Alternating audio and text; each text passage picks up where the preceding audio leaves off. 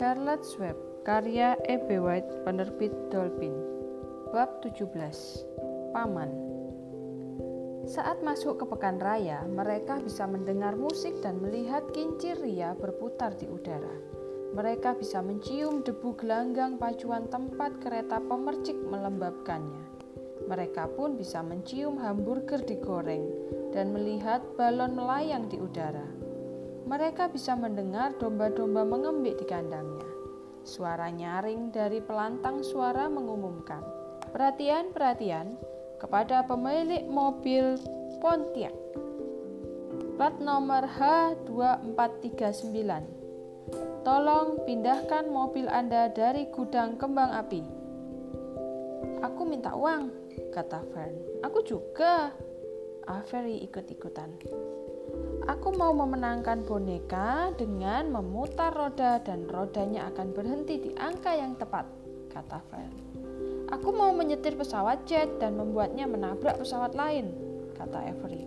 Aku mau balon. Aku mau beli puding susu, burger keju, dan raspberry soda. Avery tak mau kalah. Anak-anak diamlah. Sampai kita menurunkan babinya, kata Bu Arabel. Biar saja anak-anak pergi sendiri, Pak Arabel menyarankan.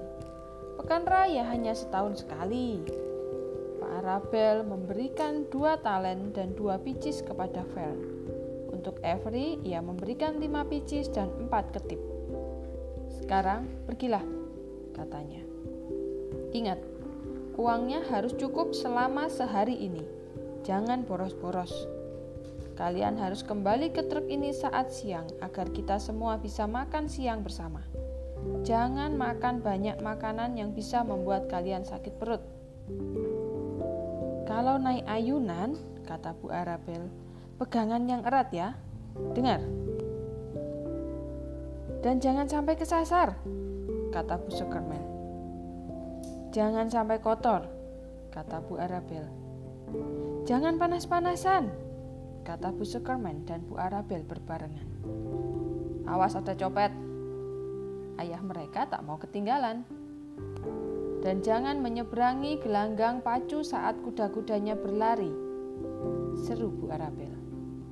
Anak-anak itu bergandengan tangan dan melonjak-lonjak ke arah komedi putar, ke arah alunan musik merdu dan petualangan seru dan kegembiraan mengasihkan. Ke tengah lapangan yang meriah, tempat tidak ada orang tua yang menjaga dan memandu mereka. Tempat mereka bisa bergembira dan bebas berbuat seenak-enaknya. Bu Arabel berdiri mematung dan memperhatikan mereka melenggang. Kemudian ia menghela nafas, kemudian ia membuang ingus dari hidungnya. Menurutmu mereka akan baik-baik saja? Tanyanya. Ya, mereka harus dewasa suatu hari nanti, kata Pak Arabel. Pekan raya adalah tempat yang baik untuk memulainya. Pada saat Wilbur diturunkan dan dikeluarkan dari peti dan dibawa ke dalam kandang barunya, orang-orang berkerumun untuk menonton. Mereka menatap papan nama, Babi Ajaib Soccerman. Wilbur balas memandang dan berusaha agar terlihat sangat mengesankan. Ia senang dengan rumah barunya. Kandangnya berumput dan terlindung dari sinar matahari oleh atap. Charlotte yang menunggu kesempatan merayap keluar dari peti dan memanjat tiang ke bagian bawah atap itu. Tak seorang pun melihatnya. Templeton yang tak hendak keluar pada siang bolong diam dengan tenang di bawah jerami di dasar peti. Pak Sukerman menuangkan susu skim ke dalam palung Wilbur dan menggaru jerami bersih ke dalam kandangnya. Kemudian, ia dan Pak Superman dan pasangan Arabel berjalan ke arah lumbung ternak untuk menonton sapi ras dan melihat-lihat. Pak Superman sangat ingin melihat traktor. Bu Superman ingin melihat kulkas. Lurvy keluyuran sendiri, berharap bertemu dengan teman-temannya dan bersenang-senang di lapangan. Begitu orang-orang pergi, Charlotte berbicara kepada Wilbur. Untung kamu tak bisa melihat apa yang kulihat, katanya. Kamu melihat apa? Tanya Wilbur. Ada babi di kandang sebelah, ia besar sekali. Aku khawatir ia jauh lebih besar darimu.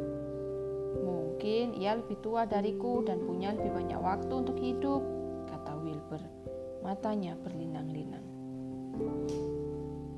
Aku akan turun untuk melihat lebih dekat lagi, kata Charlotte. Kemudian ia merayapi sebuah rusuk sampai berada tepat di atas kandang sebelah. Ia membiarkan dirinya turun dengan selembar benang sampai tergantung di udara tepat di depan moncong si babi besar itu.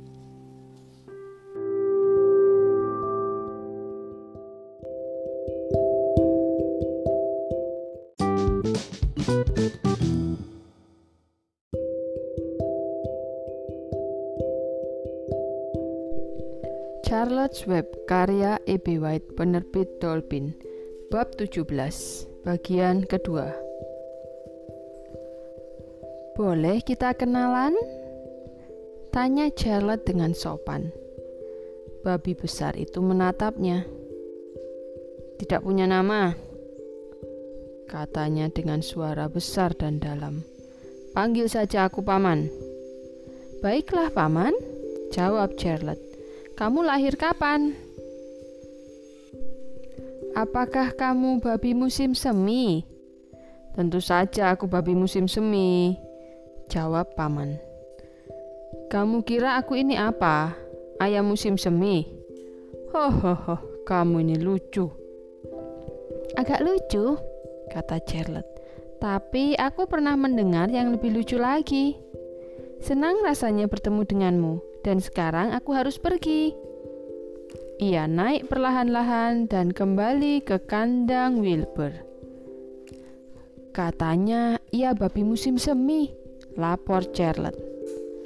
Mungkin memang begitu. Satu hal sudah pasti, kepribadiannya sangat tidak menarik. Terlalu kurang ajar, terlalu bising.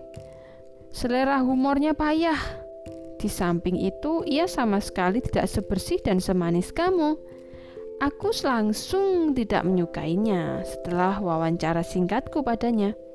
Walau begitu, ia bisa menjadi lawan yang sulit dikalahkan, Wilbur, berdasarkan ukuran dan bobotnya. Tapi bersamaku, aku bisa membantumu.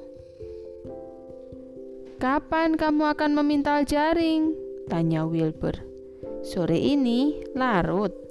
Saat aku tidak terlalu capek, kata Charlotte. Pekerjaan ringan saja membuatku capek belakangan ini. Rasanya aku tidak punya tenaga sebanyak dulu karena umurku kurasa. Wilbur menatap sahabatnya. Charlotte tampak agak membengkak dan lesu. Aku ikut-ikutan sedih mendengar kamu merasa tidak enak badan, Charlotte, katanya. Mungkin setelah meminta jaring dan menangkap beberapa lalat, kamu bisa lebih baik kan? Mungkin, kata Charlotte dengan lelah. Tapi aku merasa seperti berada di, hak, di akhir hari yang panjang. Sambil menggantung terbalik di langit-langit, ia bersiap untuk tidur sejenak, meninggalkan Wilbur yang merasa sangat cemas. Sepanjang pagi, orang-orang berlalu lalang melewati kandang Wilbur. Bergelombol-gerombol orang asing berhenti untuk menatapnya dan mengagumi bulunya yang putih bagaikan sutra, ekor ikalnya, air mukanya yang ramah dan cemerlang.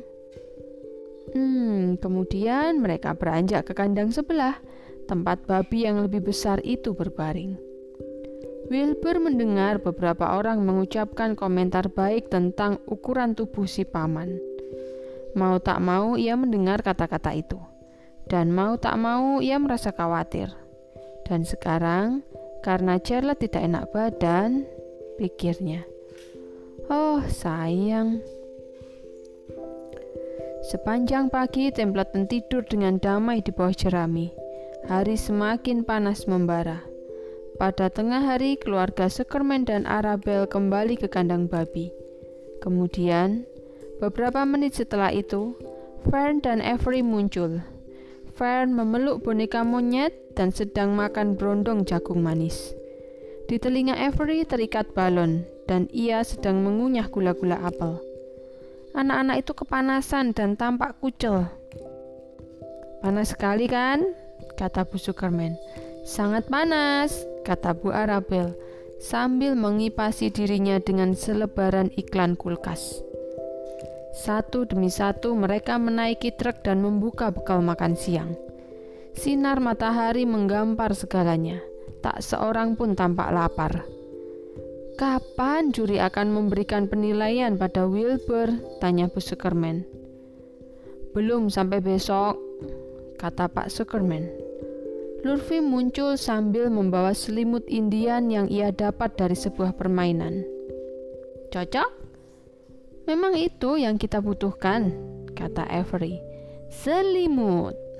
Tentu saja, jawab Lurvi. Dan ia menghamparkan selimut melintangi pinggiran bak truk sehingga membentuk tenda kecil. Anak-anak duduk di bawah bayang-bayang selimut dan merasa lebih sejuk.